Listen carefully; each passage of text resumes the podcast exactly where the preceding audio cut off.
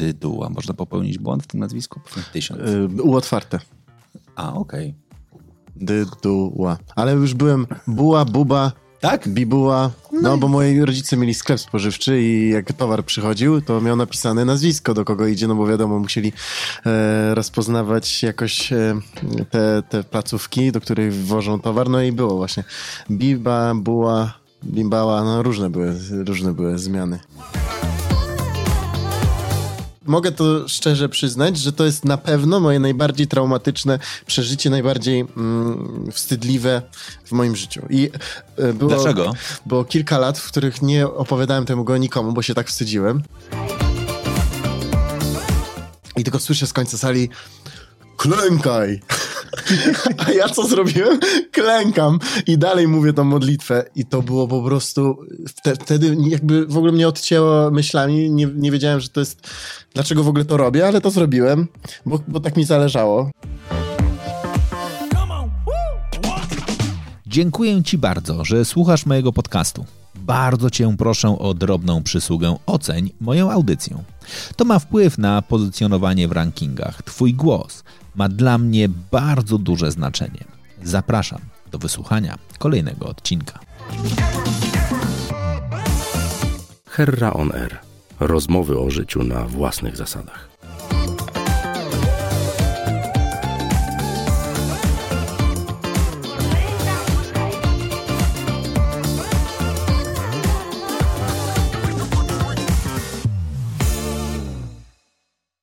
Hera on Air. Rozmowy o życiu na własnych zasadach, a dziś z tym, który idzie przez życie śpiewająco. Kaszub.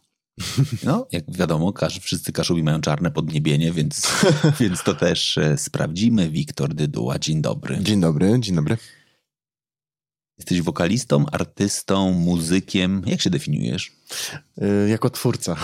twórca Okej. artystyczny. Bardzo, bardzo jeszcze mam problem z nawiązywaniem siebie, nie wiem, artystą, kompozytorem. O, z kompozytorem mam największy problem. Y, mm, Albo, no może artystą jeszcze już się przyzwyczajam, ale rzeczywiście jak ktoś na mnie mówi, że jestem kompozytorem, to tak dla mnie kompozytor no to był Chopin, a ja to jestem twórcą muzycznym, zwykłym chłopakiem, który gdzieś tam brzdąka na gitarze i po prostu lubi to, no, lubi muzykę, no i chce przekazywać jakieś emocje ludziom. Ale masz wykształcenie muzyczne? Nie mam, nie mam właśnie, nie, nie, nie mam, e, wsz- wszystkiego się nauczyłem sam, jakoś tam z filmików na YouTubie, nie jestem wirtuozem, wiadomo, ale to, właśnie to jest piękne w muzyce, że ta wolność też, jeśli chodzi o, o to, że nie mając jakiejś niesamowitej wiedzy, można już coś tam stworzyć swojego i, e, i swoje utwory w ogóle, to jest niesamowite. Od czego zacząłeś grę? od złapania za gitarę i zagrałem y, trzy akordy pierwsze. Mama mi pokazała pierwsze akordy. Pamiętam, ym, bo u nas w domu tam każdy coś tam, coś tam gra na tych instrumentach. Nie, nie, nie, nie, nie wiąże z tym, nie wiązał z tym przyszłości, ale, ale grali zawsze. No i ta gitara była, więc pewnego razu złapałem za gitarę, moja mama pokazała mi akordy do Białego Misia. I grałem Białego Misia, pamiętam. Także to było dosyć śmieszne, bo y, za tydzień już grałem Metalikę i moja mama, o jaki przeskok. I grałem, ćwiczyłem jednocześnie y, Białego Misia i Metalikę. Dosyć takie śmieszne połączenie. No ale tak, tak było właśnie, że y, potrafiłem 5 godzin siedzieć z gitarą i aż mi już krwawiły palce, ale grałem. No, więc to na pewno tak zafiksowałem się na punkcie. Teraz może już tro, trochę, trochę mniej, z czego nie jestem dumny, muszę, muszę się, muszę nadrobić, E, ale, ale tak, tak, początki to były rzeczywiście, no muciłem, muciłem aż moja mama już miała, miała dość, rodzice w ogóle. Czyli z jednej strony są ci rodzice, którzy marzą, żeby dziecko miało pasję i mówią, w ogóle byś mógłbyś coś zacząć robić, może zacznij grać na gitarze, po czym nie daj Bóg jak chwyci, to, to później przechodzimy na tą stronę, może byś już przestał tak, grać. Tak, przerwa, przerwa, bo już nie dajemy rady. Nie, nie, tak naprawdę ja miałem zawsze, zawsze u mnie w rodzinie wsparcie, czy nawet jak sobie wymyśliłem jakieś takie abstrakcyjne rzeczy, typu e, dziennikarz sportowy, bo e, jestem fanem piłki nożnej, więc w pewnym momencie chciałem iść na dziennikarstwo i w ogóle komentatorem sportowym chciałem być. E, tańczyłem też. e, Raz spróbowałem do szkoły właśnie muzycznej, takiej aktorskiej, do Baduszkowej w Gdyni e, spróbowałem, co jest moim największym traumatycznym przeżyciem. Ale że próbowałeś, egzamin, czy tak. nie dostałeś? Nie dostałem się, ale egzamin był moim najbardziej. Mogę to szczerze przyznać, że to jest na pewno moje najbardziej traumatyczne przeżycie, najbardziej mm, wstydliwe w moim życiu. I było, Dlaczego? Było kilka lat, w których nie opowiadałem temu go nikomu, bo się tak wstydziłem. Aż w końcu mówię, a. Właśnie, pal licho, jak, jak brzmi tytuł mojej płyty, po prostu zacząłem się tym dzielić i było mi łatwiej.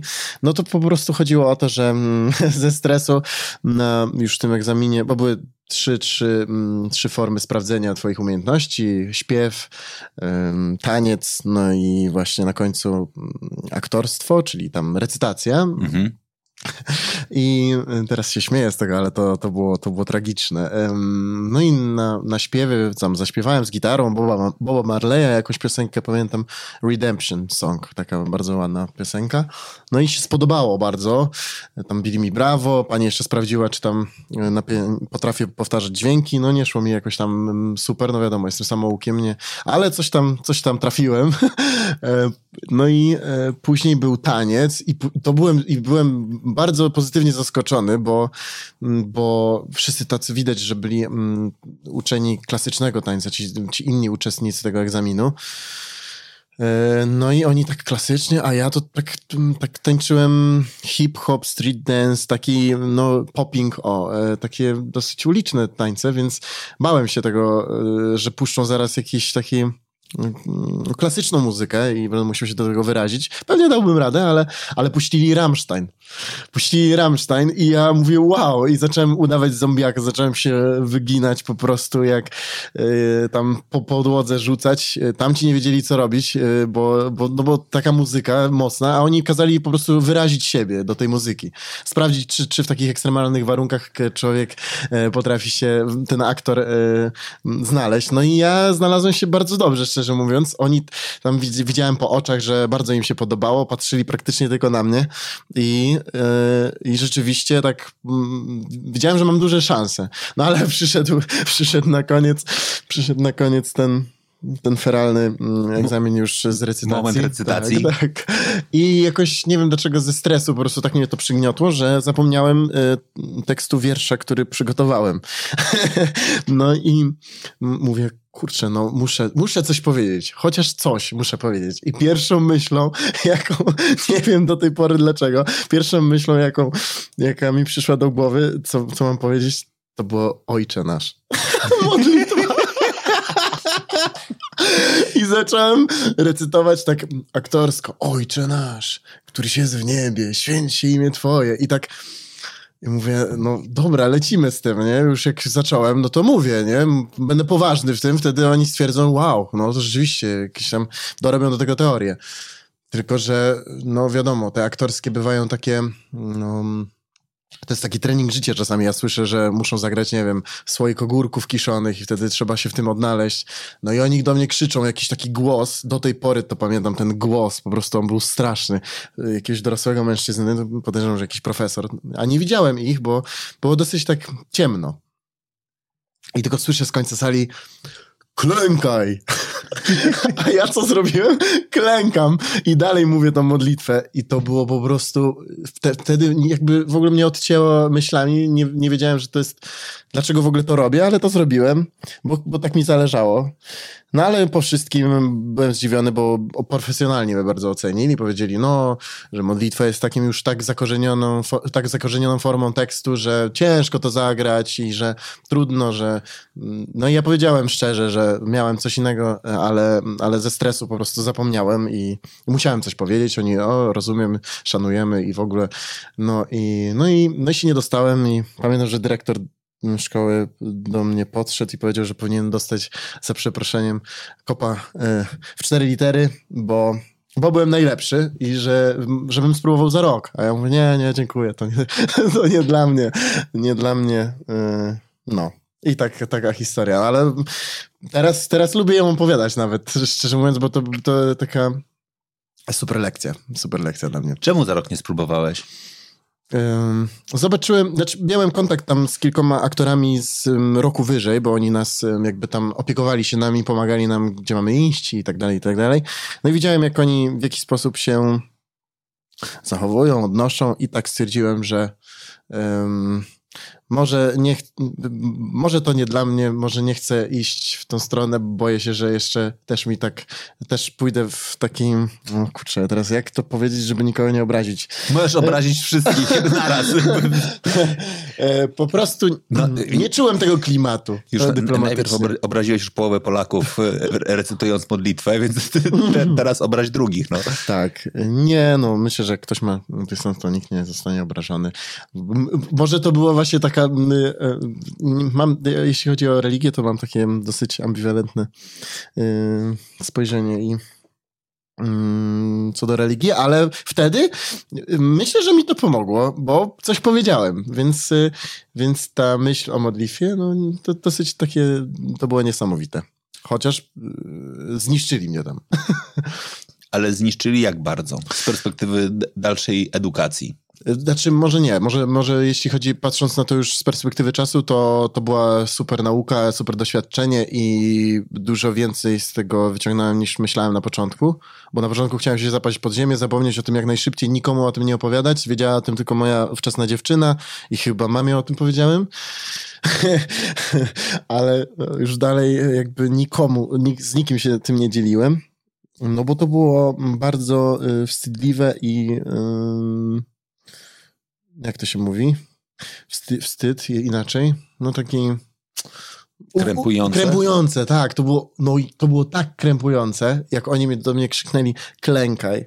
To było yy, u, u, upokarzające. Upokarzające. O, tego słowa szukałem. Upokarzające.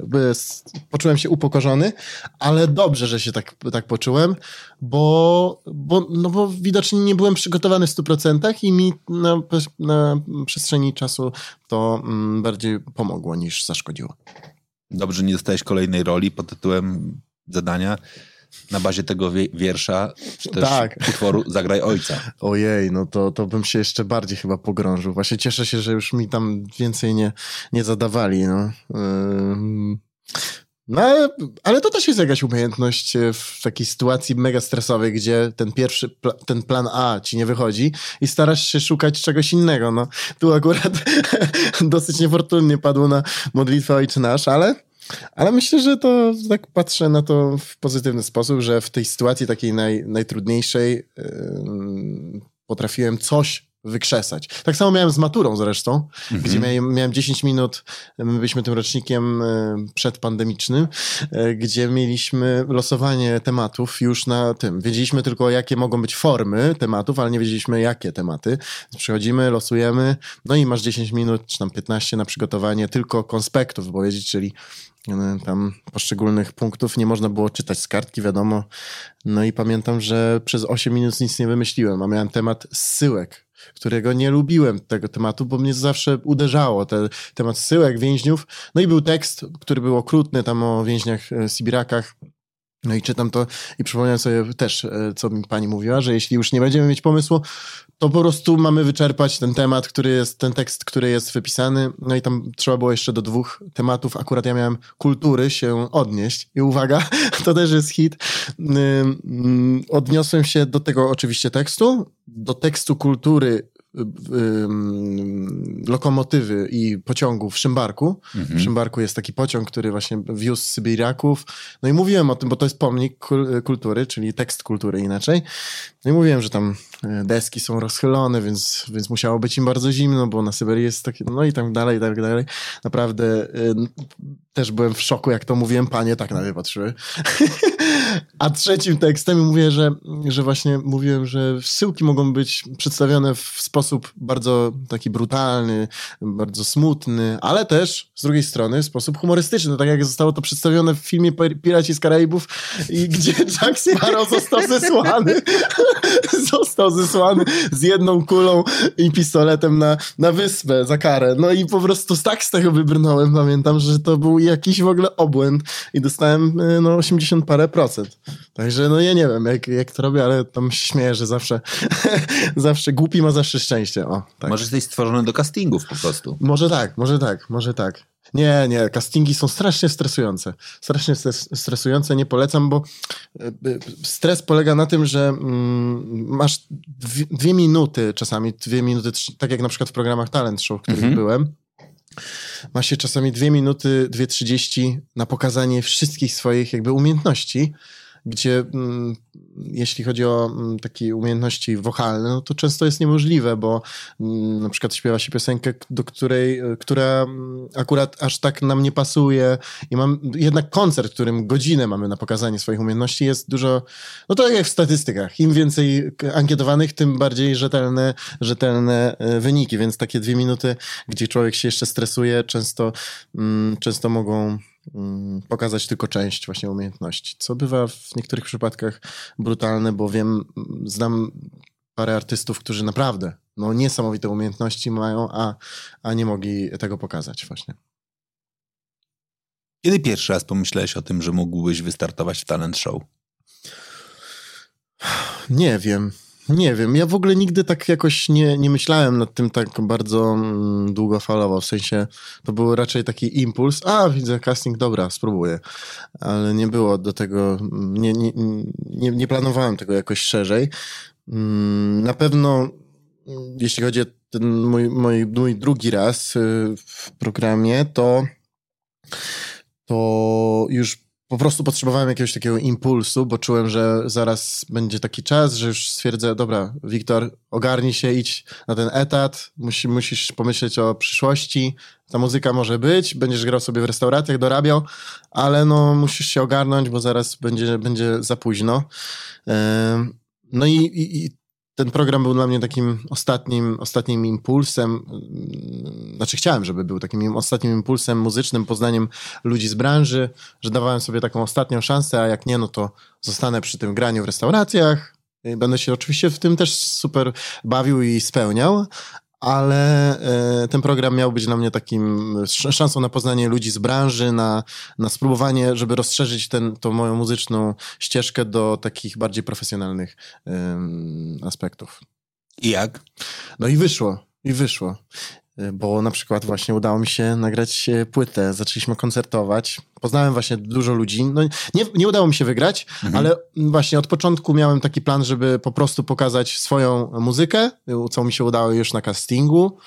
Mm, także byłem mega dumny i chciałem wykorzystać każdy moment w, którym, w tym programie na to, że, żeby, żeby, żeby właśnie poznać jak najwięcej artystów, jak najwięcej ludzi, którzy się na tym znają, bo wiedziałem, że zaraz może się dla mnie ta przygoda zakończyć i fajnie by było to dalej kontynuować, że poprzeć to dalszą pracą, no bo wiadomo, że program może być trampoliną, ale później po programie zostaje się samemu i trzeba właśnie mm, popracować nad tym, żeby, żeby jednak ta akurat, mm, żeby ta artystyczna ścieżka stała się też twoją pracą i pomysłem na, na życie. Mówisz drugi raz mówię drugi Jak raz. byłeś drugi raz w programie. Tak, bo pierwszy raz byłem w Idolu w mhm. ogóle w 2017 roku. Yy, I, I to też to, to było ciekawe też doświadczenie, bo tam w ogóle nie byłem gotowy na to wszystko, na te wszystkie kamery, na wywiady. Byłem zamknięty bardziej. Yy, I myślę, że dlatego też mi to nie wyszło. Yy, porównując te moje dwa razy. Pierwszy raz właśnie w Idolu, później w The Voice po latach to widzę dwie inne osoby. W mhm. pierwszym, za pierwszym razem taką osobę bardzo skrytą, taką no, niepewną siebie, która nie miała większego planu, po prostu poszła pokazać siebie, ale też było super, bo pamiętam, że bardzo byłem dumny z oceny pani Eli Zapędowskiej, która jest kosą, jeśli chodzi o wokal i zawsze była kosą. No i mm, słysząc od niej miłe słowa, to było dla mnie bardzo budujące, więc, więc to może był jakiś taki zalążek e, wtedy mm, tego, co mam teraz. Ale cieszę się, że to wyszło, wychodzi to, co się dzieje wokół mnie, że dzieje się teraz, bo miałem taki okres, że mówię, mówię kurczę, 25 lat, niektórzy artyści 16 lat, 17 i już wielkie kariery. I zawsze miałem to porównywanie do innych, y, jeśli chodzi o wiek, że może za późno, ale potem stwierdzam, że każdy chyba ma swój taki y, czas, w którym powinno się coś dla niego wydarzyć i ja cieszę się, że to się dzieje teraz, bo jestem dużo mądrzejszy, y, pracowałem też gastro, które jest takim treningiem życia i mam, mam, myślę, duży szacunek do ludzi, mm, słucham, y, umiem właśnie dzięki tej pracy, umiem słuchać, umiem rozmawiać z ludźmi, też dużo w restauracji miałem takiego kontaktu, jeśli chodzi o właśnie słuchacz, wokalista, także to, to, wszystko, wszystko składa się na to, co teraz się dzieje i myślę, że to, to nie bez przyczyny, że że to się staje e, właśnie teraz. Oj, oj, dużo pokory też, dużo pokory dzięki takiej pracy takiego kelnera, bo, bo to jednak czasami bywa no, trudne, jak, jak klient bywa dla ciebie niemiły, a ty musisz pamiętać o, o uśmiechu.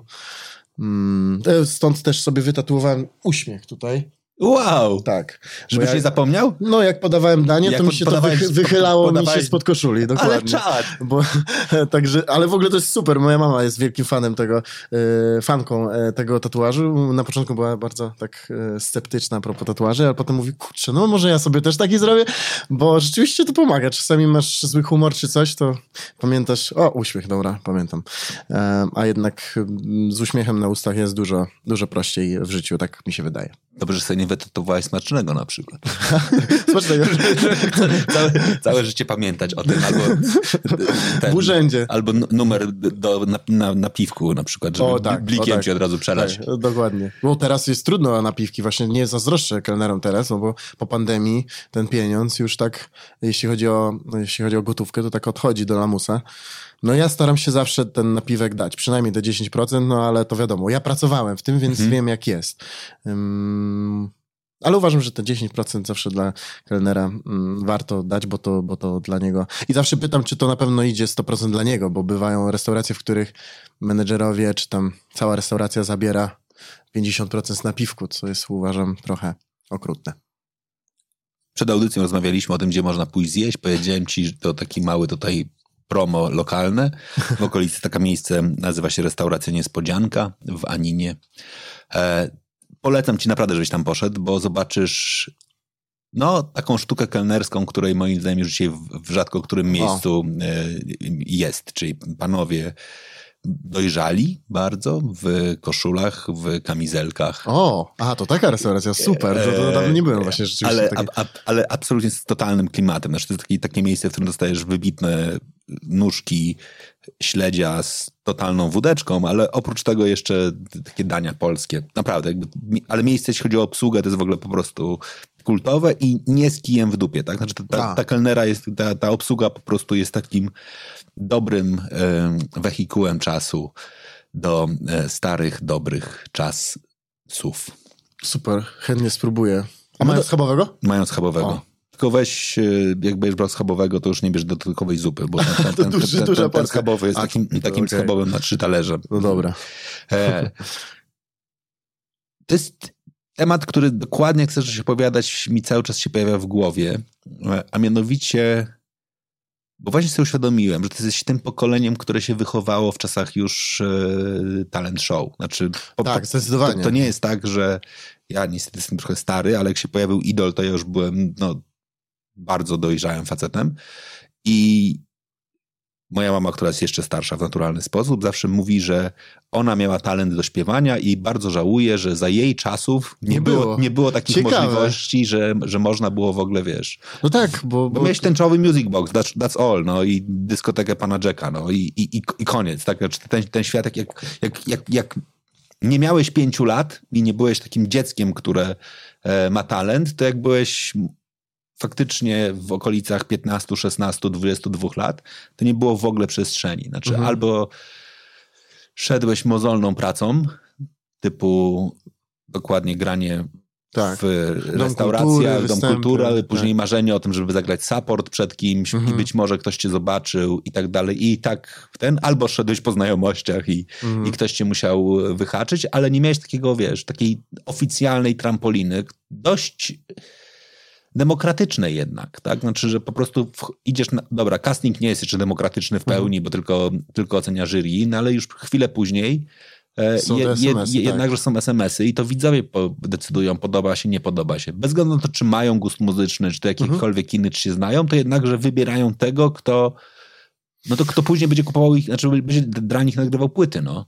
I też często bywa, że niekiedy, no, że ten aspekt muzyczny tak odchodzi na ten drugi plan i często są oceniane, wiadomo, czy to aparycja, czy to, co, czy ma coś do powiedzenia, czy, czy to, co przeżył często, Mm, więc rzeczywiście to y, zawsze powtarzam, jeśli ktoś się pytał teraz mnie jako, y, czy, czy mam to paru znajomych, którzy mnie pytali, no Wiktor, co myślisz, bo chciałabym spróbować yy, The Voice, czy, czy, czy warto? Ja mówię, że no, jeśli czujesz, że chciałabyś się pokazać i że czujesz, że to dla, to dla ciebie będzie miało pozytywny skutek, to tak, ale mm, zaznaczam, że nie przejmuj się, jeśli, jeśli odpadniesz, albo jeżeli ktoś ci powie coś takiego złego, mm, żeby, żeby tym się za bardzo tak nie, nie biczować, no bo jednak to, że ktoś tam cię oceni źle albo że odpadniesz, to nie znaczy, że właśnie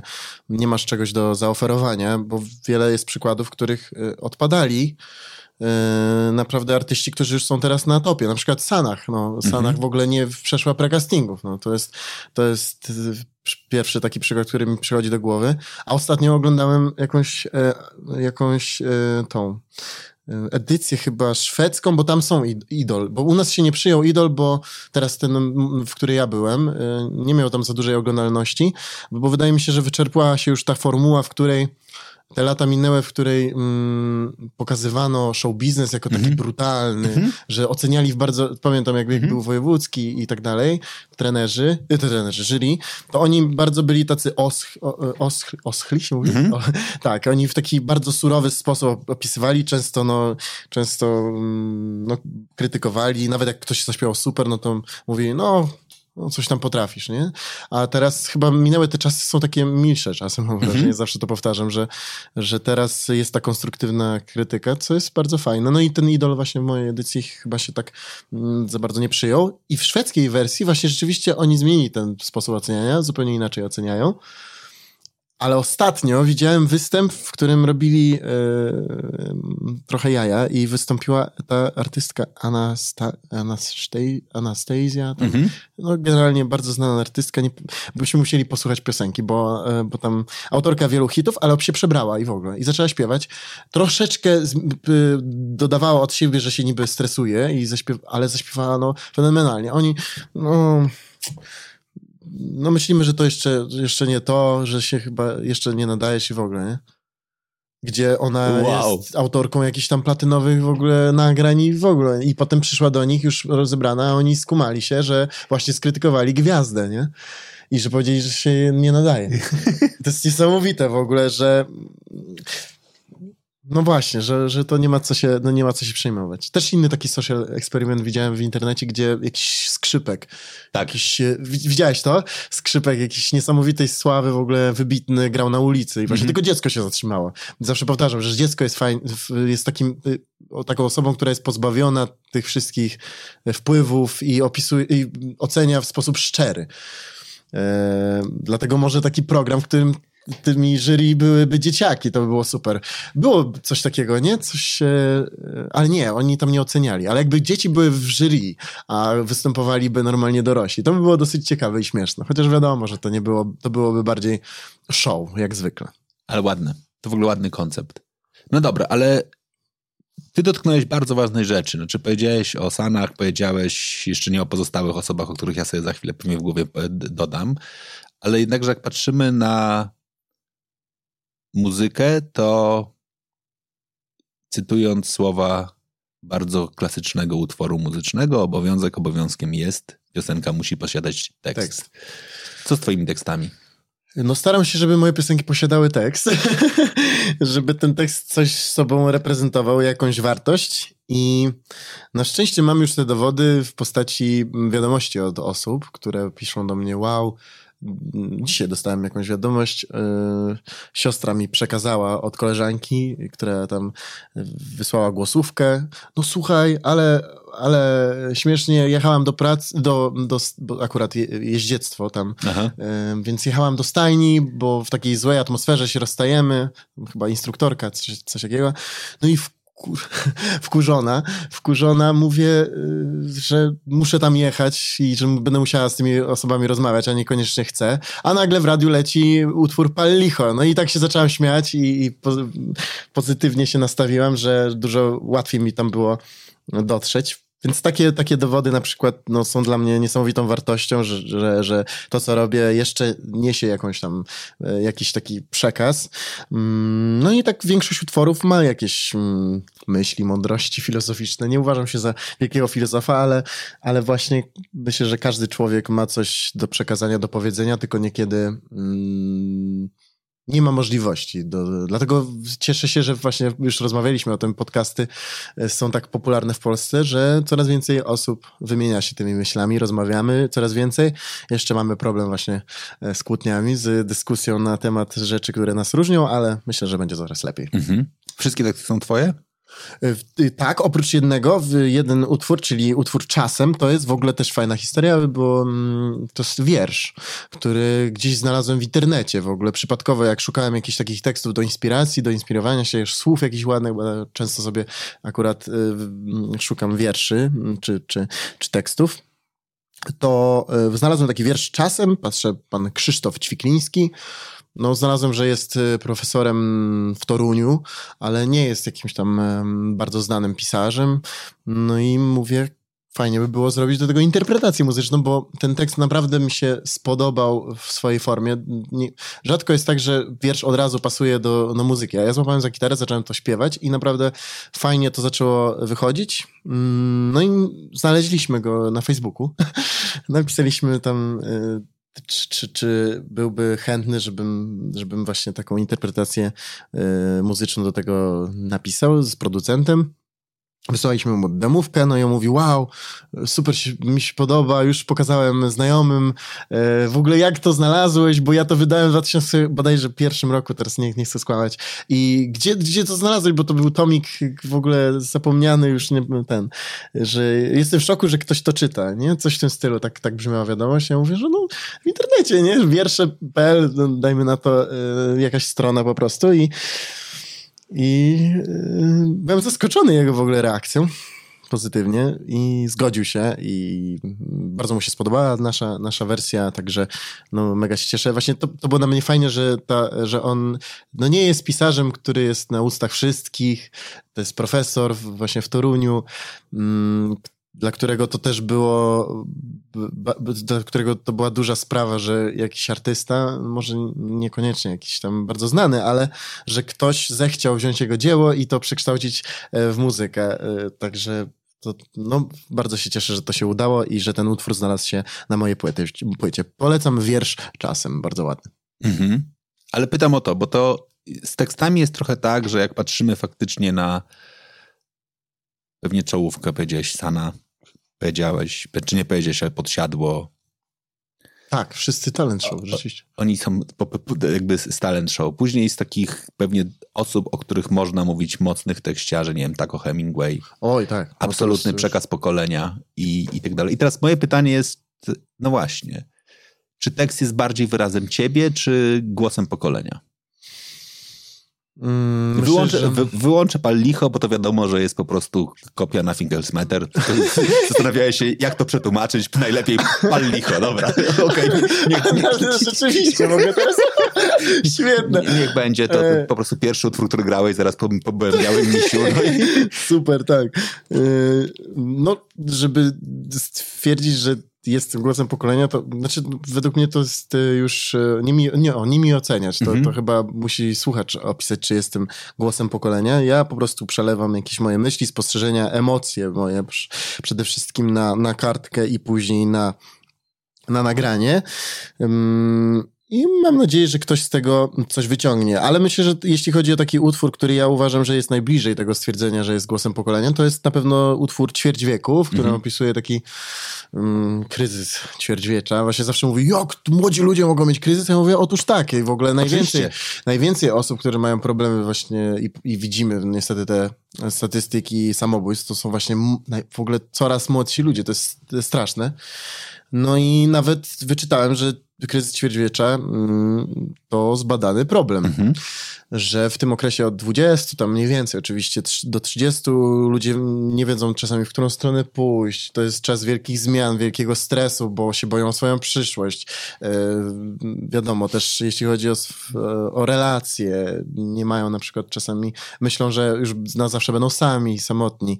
Więc, więc to starałem się opisać w tym ćwierć wieku, że, mm, że właśnie te, te wszystkie plany są e, zapętlone, e, że mamy plany, ale no, staramy się je wykonać, ale no, nie idzie, bo, bo właśnie mamy ten kryzys i ciągle.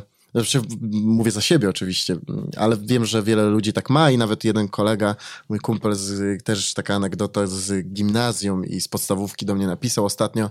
Wiktor, dziękuję ci za, za to, co tworzysz, że nie tylko tworzysz, ale też jesteś i pokazujesz to mm, dobitnie, że mówisz o y, różnych problemach. Y, Sam miałem ten problem, że nie wiedziałem, w którą stronę y, chcę pójść. Miałem wrażenie, że trochę stoję w miejscu.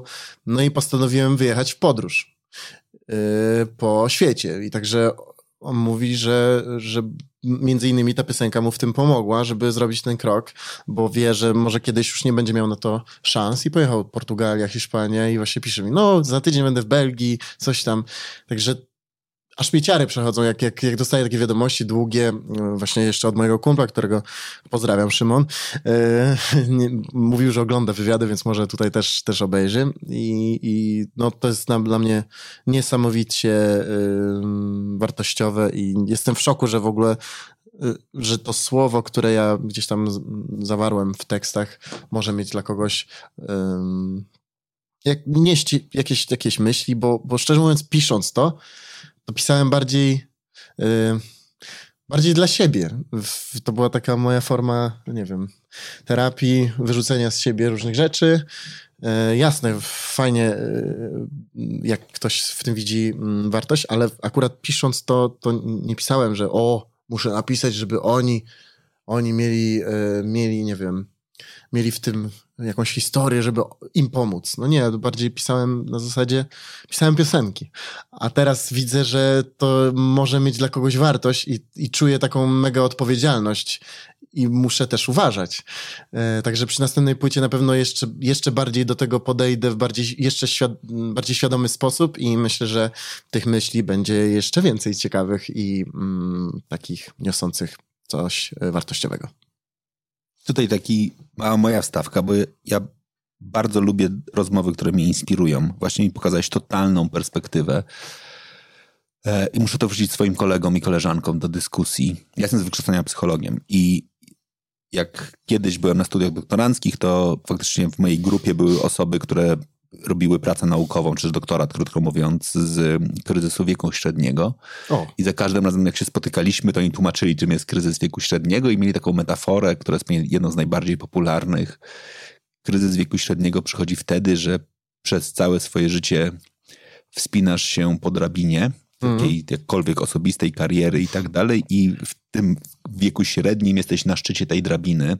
Możesz zobaczyć coś, co jest po drugiej stronie muru, do którego chciałeś wejść i właśnie sobie uświadamiasz, że ta drabina po prostu była przy złym murze. no. I teraz jak mówisz o kryzysie ćwierćwiecza, tym początkowym, to, jest taki moim, moim zdaniem gigantyczny stres, który wynika, hej, o który mur uprzeć, oprzeć tą drabinę. No- Znaczy masz gigantyczne możliwości i myślę sobie, że nadchodzi świat potężnych możliwości. Znaczy jakby kiedyś w ogóle się nie, nie zastanawialiśmy. Myśmy, jak mówiliśmy o kryzysie wieku średniego, on był w pewnym sensie pochodną tego, że na żadnym wcześniejszym etapie nie zadawałeś sobie pytania, co dalej. Znaczy, Mhm. jak wpadłeś w jakiś rytm, to rodzice ci mówili pójdź do technikum, liceum, po liceum pójść na studiach, po studiach, w międzyczasie czy jakaś korporacja tam wyciągnęła, były praktyki, poszedłeś i sobie właściwie rzadko kiedy zadawałeś to pytanie pod tytułem, co ja chcę w życiu robić i dopiero w momencie, kiedy osiągnąłeś jakiś sukces, zadawałeś pytanie, kuźwa, ej, ale dlaczego ja właściwie tu jestem? A No. dzisiaj mówisz o pokoleniu, które moim zdaniem jest nauczone zadawać sobie tego pytania i ma większe możliwości niż kiedykolwiek wcześniej. I to naprawdę musi być stresujące. Znaczy, to ten pytanie pod tytułem, ej, to w którą stronę chcę pójść? Ja się nie dziwię, że ktoś wybiera opcję pod tytułem, dobra, jadę w podróż. Znaczy, potrzebuję resetu po to, żeby sobie zbudować perspektywę i podjąć świadomą decyzję. Ale to jest też super, że, że ludzie się coraz mniej boją tak podejmować takie decyzje, na które mają ochotę po prostu, Mhm. że chcę zwiedzać świat i, i co będzie, to będzie.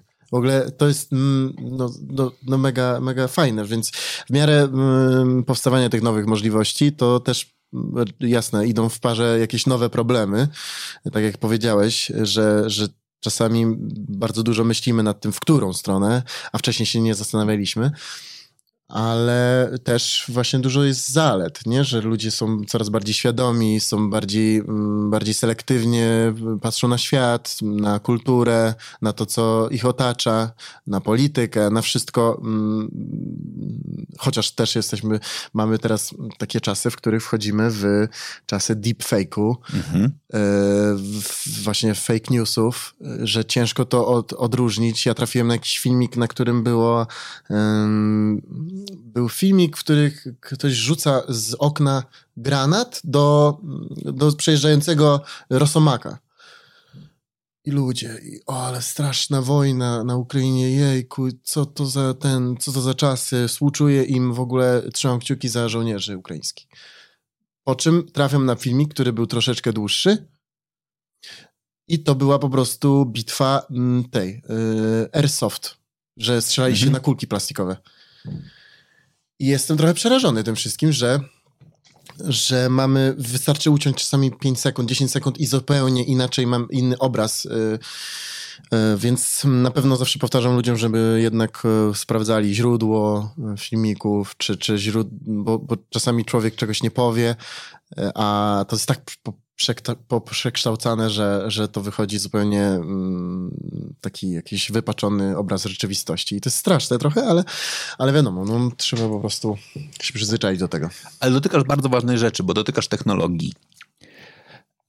W mojej bańce, czyli mam totalnie świadomość, że ona jest bardzo od, odklejona od rzeczywistości i pewnie mazurska wieś myśli inaczej, ale jednakże Warszawy w dużej mierze technologicznej od kilku miesięcy wszyscy dyskutujemy na temat tylko jednego, czyli sztucznej inteligencji e, rozwiązań, które prezentują kol- kolejne firmy dotyczące kreowania tekstów, obrazów i, i wszystkich rzeczy i chat GPT i wszystkie inne rozwiązania, które za tym stoją. Nie boisz się, że w przyszłości sztuczna inteligencja będzie pisała piosenki? Boję się, znaczy już piszę, ja już, Tak, nawet, ja już to nawet sprawdzałem. I wyobraź sobie, że napisałem, napisaliśmy z producentem na tym czacie y, GPT coś tam... y, Napisz nam napisz mi piosenkę mm, i, i wybraliśmy temat z naszej piosenki. I wyobraź sobie, że było normalnie podobne sformułowania, podobne frazy. Wiadomo, że to się różni, ale było, a propos, nie, napisaliśmy, napisz tekst o niepasowaniu do, do danej e, grupy społecznej, czy, czy, czy problemami z identyfikacją właśnie e, i tak dalej. No i na, my mamy numer struś, na którym jest właśnie e, Znowu, tam głowa w piach, Mhm. który to już raz tak mam, ale było, było sformułowanie o strusiu, że, że człowiek się właśnie i, ta, i tam były po, takie same sformułowania, sformułowania i to jest no, przerażające. Nie wiem, jak to, bo, bo to też jest w ogóle mm, problematyka tego wszystkiego polega na tym, że to są wykorzystywane teksty z na przykład Google, tak? On, ten, ta sztuczna inteligen- inteligencja ma bazę wszystkich tekstów ludzi, czyli to jest jakby wykorzystywanie mm, no, czyjego, tekstów czyjegoś autorstwa, czyli tu już wchodzimy też w problematykę prawa autorskiego. Mhm. Nie wiem, jak to skontrolować y, zupełnie. Wiem, że tam już próbują jakoś to ogarnąć, mm, ale nawet widziałem ostatnio wtyczkę w programie muzycznym, w która e, śpiewa, w sensie wpisujesz tekst y, po kolei, jakie ma dźwięki śpiewać, no i ona śpiewa. Mhm. I normalnie ma vibrato, możesz ustawić długość. Możesz- No i to naprawdę e, brzmi dobrze już teraz. No może nie słychać, że to nie jest do końca em, człowiek, ale jeśli już mamy to, to, to ja się boję pomyśleć, co będzie za 50 lat, bo, bo jakby ta dynamika powstawania nowych rzeczy i rozwijania się tej technologii, no jest przerażająca. Ja myślę, że to nie jest 50 lat, tylko 5. Teraz pytanie jest o dwie rzeczy. Znaczy, pierwsza rzecz, która jest, to to, że będą płyty nagrywane przez boty, to jestem pewien. Tak? Mhm. I, I to w ogóle nie ma dyskusji. To, czego sztuczna inteligencja, mam nadzieję, jeszcze długo nam nie zabierze, to emocje na koncercie. No zdecydowanie, I zdecydowanie. teraz albo będziesz musiał wyjść, jak będziesz twórcą będący twarzą sztucznej inteligencji i zrobić playback. To akurat scena muzyczna dość dobrze od wielu lat wie, jak tym zarządzić. Albo jednak, że ludzie będą potrzebowali tego, żebyś, żebyśmy dzielili swoje płyty na Spotify'u, na generowane cyfrowo, za którymi stoją po prostu tylko i wyłącznie automaty, które je wygenerowały i te, które mają artystów. A to też jest jakieś wyjście, żeby dzielić po prostu platformę na, na muzykę ludzką i, i wtedy zobaczyć, ile ludzi będzie chciało pójść w to. Chociaż kurczę, nie wiem. Trudne to wszystko, ale ja jestem pozytywnie nastawiony i patrzę na przykład e, płyt winylowych. No, kto by pomyślał, że teraz będzie renesans i że tyle ludzi będzie chciało słuchać płyt winylowych, że się je z powrotem e, produkuje. Wiadomo, że nie w takich ilościach jak kiedyś, ale to jest takie fajne pokazanie, mm, że, że ta kultura zawsze... y, Wraca. Tak, wraca. Tak samo w ubraniach. Zresztą widać teraz młodzież, jak patrzymy na młodzież, to lata 90. to Wszyscy w ogóle ubrani. Mhm, I to jest akurat na pewno pozytywne, ale rzeczywiście, jeśli chodzi o twór, twórczość, no, jestem trochę zaniepokojony rzeczywiście tym wszystkim. No ale tak, Masz, emocja. dru- na szczęście masz drugi fach, możesz być śpiewającym kelnerem Dokładnie, i, może- i, i to, Chociaż kelnerzy też już zaj- zajmow... Byłem w restauracji w Łodzi, na której podawał nam pizzę, podawał nam pizzę robot. Ale czy, czy, miał wytatuowane na swojej roboczej ręce uśmiech? A właśnie, ale to jest w ogóle fajne, fajna klamra, no. Yy, No nie miał, nie miał. No i się nie uśmiechał, Co no. więcej, nie, uśmiechał się. Miał, miał wyświetlać i proszę bardzo, coś tam No dobra, mówił. ale emocje, Ale straszne to jest. No i my musieliśmy wstać i wziąć tą pizzę z tego robota. No, Skandal, także nie? Skandal. Nie, nie podał. nie no. podał. No. Jakby podał, to Nie zapytał o, o to, co dziś, robi, co dziś robiłem. A ja zawsze tam, jak widziałem, że mogę sobie pozwolić na trochę więcej, to starałem się zagadywać ludzi, żeby, żebym też miał ciekawszą pracę, no bo to było właśnie taki plus tej pracy, że, że można było ją sobie urozmaicić, poznać kogoś ciekawego. Niekiedy koledzy dostawali jakieś propozycje pracy w taki naprawdę, w, no bo to były, pracowaliśmy w hotelu, do którego przyjeżdżali no, mm, osoby, przyjeżdżały osoby majętne raczej Mhm. pięciogwiazdkowy hotel w Sopocie, więc, więc mieliśmy okazję poznać bardzo ciekawych ludzi i, i, wie, i byłem też zaskoczony, bo myślałem, że przed pracą tam, yy, znaczy myślałem przed pracą w tym hotelu, że, że będą przyjeżdżać sami tacy ludzie, którzy nie będą nas za bardzo szanować, a jednak ta proporcja była w tą stronę bardziej pozytywną, że, że widać było, że ludzie y, mają szacunek do nas i, i, i tak dalej, i tak dalej. I też można było roz, odróżnić osoby, które o tak, y, nagle dosta, dostały zastrzyk pieniędzy Mhm. i tak trochę, y, jeśli chodzi o szacunek, było różnie.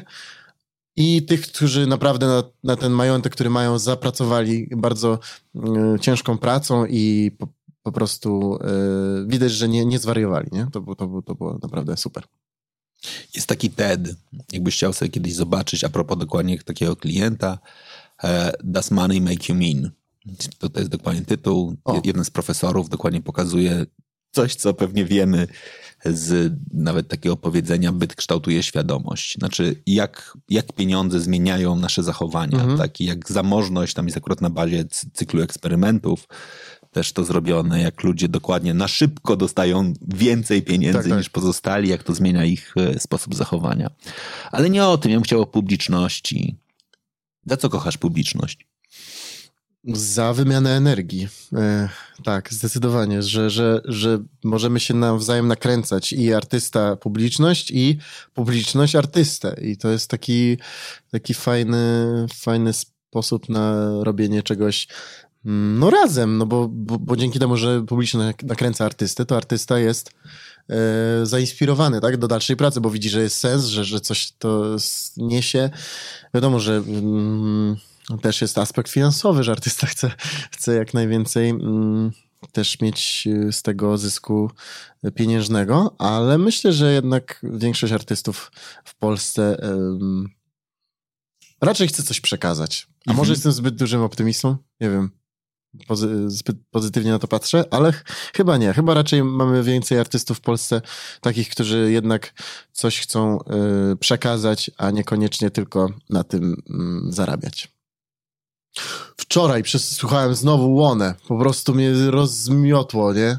Je, Łona to jest jak, Łona i jego piosenka Gdyby. Mhm. Cały mój kraj jest zamknięty w Gdyby. To jest jakaś fraza, która zawsze mnie tak rozwala. W ogóle jego sposób... Y, sposób łączenia słów, jakieś gry słowne i ja nie wiem, jak on to, jak on to robi, ale jestem pewien, że jeśli mamy mieć wieszczy, jeśli mówimy o wieszczach y, współczesnych, to Łona jest jednym z nich w Polsce, bo to, co on robi y, z polskim językiem, to jest niesamowite. No i nic dziwnego, że jest ambasadorem polskiego języka, bo no, y, niesamowite. A to tak, przepraszam, tak mi teraz strzeliło. Ale do, dotykasz moim zdaniem ważnej rzeczy, a mianowicie czym różni się występ na festiwalu od, od koncertu solowego? Znaczy, to jest taki moment, w którym faktycznie no, mamy w ogóle grupę muzyków, którzy bardzo mało koncertują sami i generalnie tylko, tak. tylko pojawiają się w momencie, w którym grają pośród innych. Mhm.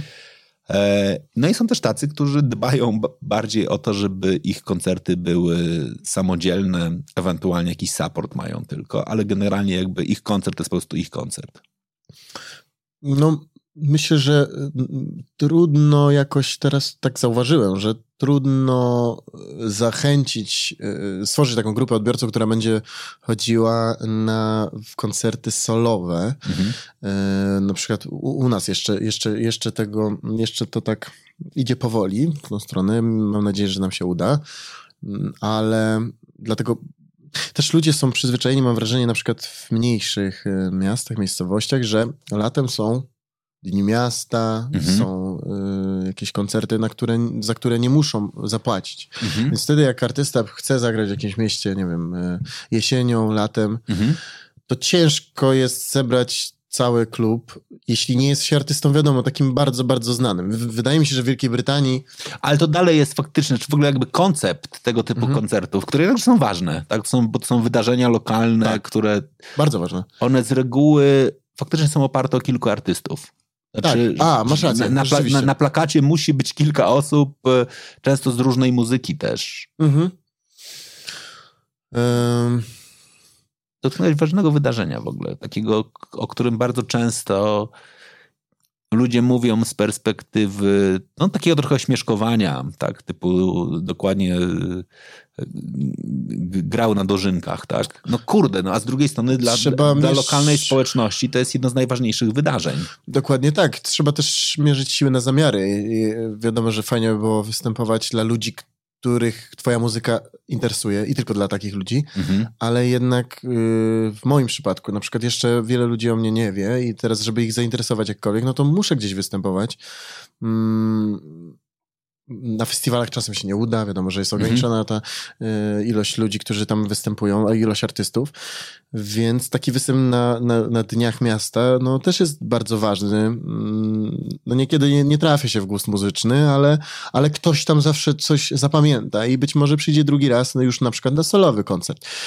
Ale zauważyłem, że jest problem, jeśli chodzi o w, Po- w Polsce, jeśli chodzi o chodzenie na solowe y, koncerty, w sensie zespołów, czy solowe, w sensie biletowane. Biletowane. Mhm. Wydaje mi się, że przez wiele lat, już rozmawiałem o tym z kilkoma osobami, mm, że przez wiele lat ludzie się przyzwyczaili, że po co mam iść na jego solowy koncert, zaraz będę miał za darmo koncert na Dniach Miasta, gdzie on też będzie i nie będę musiał płacić, a do tego będę miał kilku artystów, nie? I teraz artyści mają problem z tym, że, żeby wyprzedać swoje koncerty. Wydaje mi się, że właśnie w Wielkiej Brytanii czy gdzieś jest większa taka kultura chodzenia na, na koncerty, jakiekolwiek takich e, arty, e, w ogóle artystów, nie? I, I w ten sposób jakoś wspomaganie ich, ich drogi, ścieżki. No i słuchanie w ogóle ich muzyki na żywo. U nas wydaje mi się, że, że jakoś tak przyzwyczailiśmy się do tego, że, mm, że są te wydarzenia e, darmowe latem i że latem chodzimy na koncerty. Ale to- to też nie jest tak powiedziane, no bo są artyści, są dowody, który, którzy wyprzedają wszystkie swoje koncerty, kluby, tylko bardzo długo na to pracowali. I mam nadzieję, że mi się też tak uda. Powoli mm, będę pracować mm, na to, żeby, żeby po prostu za kilka lat rzeczywiście ktoś na te koncerty przychodził i, i żebyśmy razem się świetnie bawili. W ostatniej rozmowie Paweł Domagała, co w ogóle jest dla mnie historią życia, szczerze mówiąc, mhm. e, powiedział, że jemu cały czas do dziś zdarza się, że wchodzi do knajpy, wyciąga gitarę i gra. Znaczy tam się tylko Super. umawia z menedżerem dzień wcześniej, bardzo prosi o to, żeby to nie było nagłaśniane i tak dalej. On po prostu ma taką potrzebę po prostu wyrazić siebie i pobyć z ludźmi. E, też rozmawialiśmy w ogóle o stricie i graniu, i graniu na ulicy. E, w związku z tym no właśnie. Dla ciebie to jest forma jakby takiego też, może być forma kontaktu, czyli takiego, czy byłbyś gotowy na przykład dokładnie sobie wyjść na ulicę? Oczywiście. I, i, i zagrać? Taki mam plan w ogóle, że tam sobie za jakiś czas, jak tam się uspokoi, czasem sobie mm, wyskoczyć, bo to jest taki też kontakt z rzeczywistością. Mhm. wiadomo, że akurat pa, pan Paweł, bo jeszcze nie, nie, nie poznałem, pan pa, Paweł Domagała, no to ma już taki, taką rozpoznawalność, że u niego to jeszcze bardziej bardziej może być dla niego war wartościowe, taki występ na, na, w restauracji czy, mhm. czy gdzieś tam na streetie. Taki kompletnie I... niebiletowany, znaczy taki, że wchodzisz Dokładnie. i spontan, spontan. grasz dla ludzi, którzy tam są, a nie, że przyszli na ciebie, tak? Czyli masz taki kontakt dokładnie, nazwijmy to, z nowym widzem, czy też z nowym słuchaczem. Dokładnie. Część cię rozpozna i zna twoje kawałki, ale dla, dla części jesteś, wiesz, jest... zwykłym gościem siedzącym na mikroscenie w knajpie, który coś tam gra. Mm. Ale to też świadczy o takim no, kontakcie z ziemią w, w jego przypadku, jeśli tak mhm. robi, no bo, no bo mm, myślę, że też kiedyś było tak, że ci muzycy za nic by nie wystąpili w ten sposób. No jak to? Ja przecież występuję na wielkich scenach. To też zauważyłem, że taką tendencję mamy wśród artystów, że są raczej mm, mają dużą pokorę.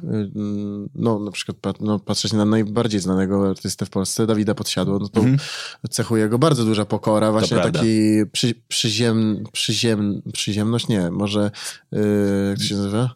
No, Kontakt z rzeczywistością, tak. by powiedziałem dobrym określeniem. Tak. Znaczy on absolutnie... I brak wody sodowej, nie? I to mi się bardzo podoba ta tendencja. Yy, w ogóle Dawid to myślę, że otworzył wszystkim artystom w Polsce Pan Dawid, bo nie znam jeszcze, yy, otworzył wszystkim artystom taką ścieżkę właśnie do, do do tych stadionów, bo to mam prawda. wrażenie, że ludzie się otworzyli jeszcze bardziej na muzykę.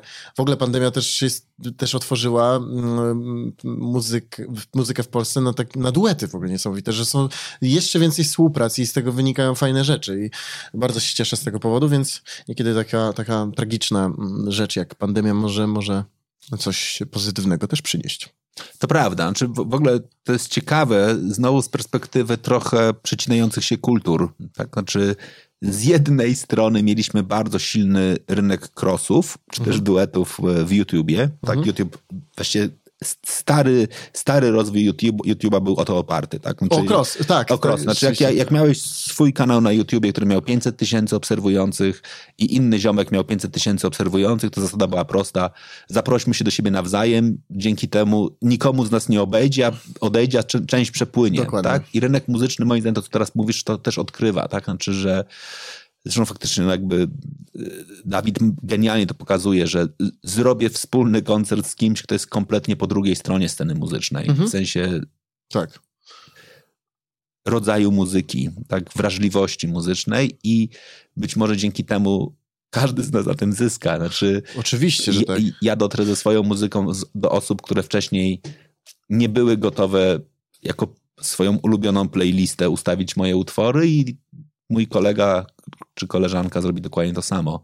I myślę sobie, że te, teraz do, dotykasz takiego ważnego tematu. Myślę, że rynek muzyczny w kategorii crossów, ale crossów nie wewnątrz tej samej wrażliwości muzycznej, ale, ale poza pewnie będzie tym, tym kolejnym naturalnym jakby etapem. Myślę, że w ogóle no, my jesteśmy zwierzęciem stadnym, człowiek, tylko, więc... Tylko nie, nie, rób tego krosu w kierunku białego misia. Tak? A czemu? W ogóle kontrasty są super, uważam, w, kulturze, tylko wiadomo, że trzeba zrobić to ze smakiem i y, sposób taki, żeby to jednak brzmiało bardzo dobrze. Ale uważam, że takie kontrasty, tak jak powiedziałeś, że właśnie z, jednego, z jednej strony yy, i z drugiej połączyć to w jedno, to, to z tych fuzji mogą wyjść bardzo ciekawe rzeczy. Mieliśmy takie przykłady w rapie, że tam łączyli słowiańskość, tak? E, mhm. Były jakieś... Nie, no to jeżeli w ogóle mówimy o hip-hopie, to za chwilę kolejna edycja we wrześniu Jimek e, na Stadionie Śląskim. No czyli to Jimek to jest, to jest najlepszy przykład to jest, w to jest w ogóle, wiesz, znaczy zrobić hip-hop w muzyce klasycznej, to jest, wiesz... Ale w Ameryce w ogóle to jest tam, e, widziałem, że full, to jest super, super.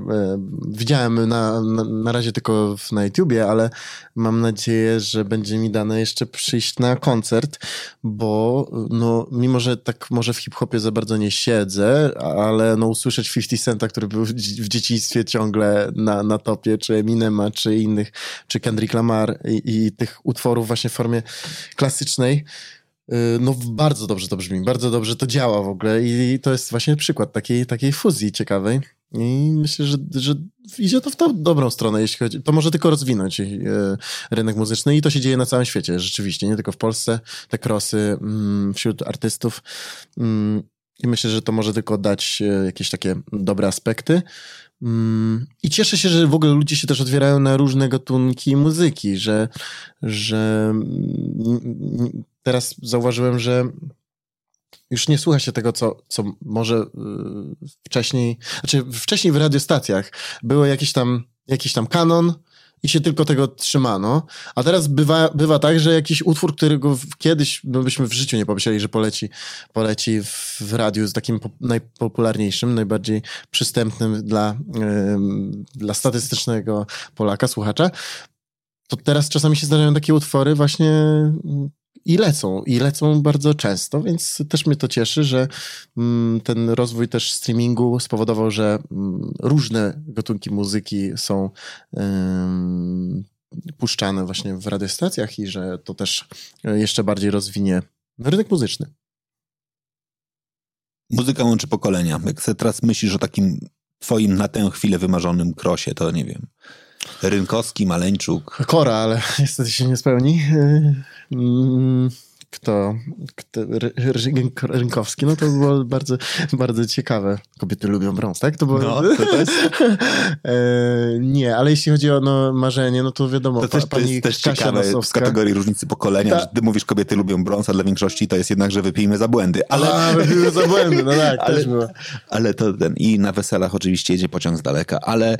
A to był Rygowski? Oczywiście. O, no to to jest świetny numer w ogóle. Konduktorze tak łaskawy, byle nie do Warszawy, to jest oczywiście on. No, no tak. to też ciekawe. No dobra, że... ale wracając, dobra, to, to, to z kim? Mówiłeś, Kora to trudne, to prawda? No to, to będzie trudne. Y, no pani Kasia Nosowska na pewno. No to było marzenie. Y, bo uważam, że tekstowo no jest, jest wymiataczem, wymiataczem polskim. I mało już takich artystek. Y, no, no Kasia Nosowska najbardziej. Bo mówimy o starszych ode mnie osobach. E, możesz też młodszych. No, jedną ikoną, z jedną ikoną udało mi się y, zaśpiewać w ogóle na tej płycie. To jest y, Natalia Grosiak z zespołu Micromusic, która Aha. już 20 lat na scenie y, i ogromny zaszczyt czuję, że, że, że mogłem z nią zaśpiewać właśnie na, na płycie. Cieszę się bardzo. Mm, także no jedno marzenie już na pewno, jeśli chodzi o duety, spełniłem, bo jestem fanem e, też zespołu Micromusic. No i mam tę przyjemność, że pracuję z e, Piotrem Plutą, który też właśnie z zespołem Micromusic robi różne cuda. Mhm. I i ta współpraca się udała, także no, e, polecam utwór Ostatnie takie słońce właśnie z Natalią Mirosiak. Cieszę się, że się udało. A jeśli chodzi o duety inne, no to mówię, to tak naprawdę ja mam tak, że mm, jak usłyszę, nie wiem, piosenkę albo że ktoś chce ze mną nagrać, no to staram się jak najbardziej yy, jak najbardziej potwierdzić, że, że to ma sens, taka współpraca. Nie, nie nastawiam się nigdy jakoś tak od razu negatywnie do kogoś, mimo że na przykład, nie wiem, słyszę, słyszę że to zupełnie nie jest to, co ja lubię. No, chyba miałbym problem na pewno z artystami z gatunku zwanego disco polo. Mhm. To na pewno miałbym duży, duży problem ale tak to nigdy nie staram się nie skreślać, tylko przesłucham zawsze i, i wypiszę sobie plusy, minusy i, i, jakoś tam, więc mam nadzieję, że tych duetów jeszcze mi się uda w życiu nagrać wiele fajnych. A może Maryla Rodowicz? To by było coś cool. Ja jeszcze pomyślałem Michał Bajor. No Michał Bayer, no klasa, to, to- chyba to- jeszcze to- muszę się nauczyć wiele. No ale właśnie może wtedy on by w charakterystyczny sposób jednakże dodał, że nie, nie tylko ma gorączkę, ale też palto licho. No. A no tak, właśnie, to pal, to, pal licho jest bardzo takim staroświeckim y, stwierdzeniem, więc też się cieszę, że taki tytuł akurat nosi ta płyta, bo często używam tego stwierdzenia. Uważam, że mamy bardzo dużo pięknych takich słów. Czy właśnie... Naprawdę mówisz pal licho? Mówię, mówię czasami. Ale psia kość też mówisz? Nie, ale, ale zacznę. ale to jest śmieszne w ogóle, bo czasami się, ja mówię, a dobra, pal licho. I ktoś patrzy na mnie, co on mówi, jaki w ogóle dziwny, dziwny właśnie cross, że No, można palić wiele rzeczy, ale żeby palić licho, to, No. to absolutnie. Jaki jest, jaki jest faktycznie geneza tej piosenki? Y, Pal licho, no to właśnie mi, mieliśmy w głowie po prostu jakiś taki świeży, lekki numer, który będzie pozytywny, bo mieliśmy dużo takich smutasów, dużo melancholijnych brzmień, piosenek, a ten utwór miał być z reguły taki jajcarski trochę, właśnie z takim przekazem, dobra, e, co będzie, to będzie Em, i, i nie ma co się też za, za bardzo przejmować, trzeba, trzeba mieć dystans i, i lecieć po prostu do przodu. Tak, to miał być lekki po prostu numer mm, do, do auta, do radia i, i myślę, że nam to w jakiś sposób wyszło. Mm, Jest jednym chyba z takich, no myślę, że lżejszych, jeśli chodzi o i brzmienie, i, i, i przekaz na tej płycie. Jest, jest w twojej głowie cel, plan, marzenie, żeby płyta była złota, platynowa i tak dalej? Nie robię sobie oczekiwań żadnych, nie, nie wypisuję sobie planu, żeby to, to miało to, y, złot, żeby osiągnęła złotą płytę, czy, czy inne rzeczy, bo staram się tego nie robić, żeby mm, no, poddam się nie zawieść jakoś. Więc cieszę się, że to się udało. Jestem bardzo dumny, że trzymam tę płytę tutaj w ręku, że ludzie mogą słuchać w końcu, że w końcu jak y, powiedzą, gdzieś tam mnie spotkają, no dobra, no ale, no ale kiedy płyta? Ja mówię, no ale płyta już jest. Bo często tak miałem, że grałem gdzieś w restauracjach, no do, a coś nagrałeś, coś ten, no, i nic nie miałem co pokazać. Więc cieszę się, że jest y, i że też powstała fizyczna, chociaż w tych czasach z tym trudno y, i że ludzie mogą tego słuchać i teraz to, to jakby jest też dla mnie takie paliwo do, do jeszcze większej pracy i do zaproponowania czegoś e, nowego w niedługim czasie mm, dla ludzi. Trasa koncertowa? Y, Na razie y, właśnie dożynki Dni Miasta. No, mam nadzieję, mam nadzieję, że tych koncertów będzie się pojawiać jak najwięcej, bo ma- mamy na razie kilka terminów, ale nie ukrywam, szczerze, za mało, za mało. Także jeśli chcecie, żebyśmy wystąpili gdzieś u was, to dajcie znać wójtowi, burmistrzowi, y, czy pani w Domu Kultury, mm, to przyjedziemy. Ale szykujemy na jesień taką trasę po klubach, po mniejszych miejscach y, i będzie naprawdę fajnie. Już jest kilka terminów takich i na jesień mam nadzieję, że to wypełnimy trochę te, y, trochę te miejsca, domy kultury i kluby jakieś, ale oczywiście takie mniejsze. Celujemy w mniejsze miejsca, żeby, żeby jednak, y, no musimy tak, mierzyć siły na zamiary, powoli, małymi krokami do przodu i mam nadzieję, że to się uda, ta nasza mm, pierwsza trasa i, i na jeden koncert prawdopodobnie zagramy moim rodzinnym przywidzu nad jeziorem i tam myślę, że na pewno wypełnimy całą halę sportową, także nie mogę się doczekać. Mam dużo osób, które mnie wspierają właśnie w mojej małej miejscowości. Dobra. To ja jeszcze dokładnie po tej rozmowie przez dużą część z tyłu głowy mam Stinga i jego faktycznie wszystkie występy na ulicy. Trzymam kciuki też za twój jakiś performance, jednakże na stricie. Zrobimy, na pewno. Jestem w ogóle fanem tych filmów e, w metrze w, w Nowym Jorku. W Nowym Jorku to było Mhm. tak, w Nowym Jorku, gdzie tam w gwiazdy właśnie, um, czy Miley Cyrus, czy ostatnio widziałem, YouTube widziałem występ, gdzie oni się przebierają i zaczynają grać i ludzie na początku nie kojarzą, a jak już skojarzą, że to oni, to jest po prostu szał, e, ale fajnie by było coś takiego zrobić w Polsce, Mm, ale oczywiście no, trzeba być bardziej, no to myślę, że Dawid Podsiadło mógłby to zrobić, to by zagrało, także y, muszę jeszcze trochę popracować, mm, ale na pewno jestem fanem właśnie występowania na ulicy i, i takich y, spontanicznych wystąpień gdzieś właśnie w przestrzeni, w których y, niekoniecznie są takie zawodowe koncerty z wielką sceną i tak dalej. I to jest dobre miejsce, żeby postawić kropkę. Dziękuję ci bardzo. Bardzo dziękuję za przemiłą rozmowę, za kawkę i e, za pomoc w promocji mojej płyty. Dzięki. Dzięki bardzo. A wam dziękuję bardzo, że e, dotrwaliście do tego momentu, że byliście tutaj razem z nami. To jest ten moment, żeby po pierwsze udostępniać tę rozmowę znajomym, wrzucać ją, publikować w mediach społecznościowych, a z nami podzielić się opinią. Czyli piszcie oczywiście na Instagramie, Facebooku lub e, gdziekolwiek. No i ten moment, kiedy pamiętajcie, jak przyjdzie wam gorszy dzień, to puśćcie sobie utwór Al licho. To Buziaki. Później jeszcze możecie powiedzieć psiakości, ale to jest zupełnie inaczej. Dzięki bardzo. Dziękuję. Trzymaj się.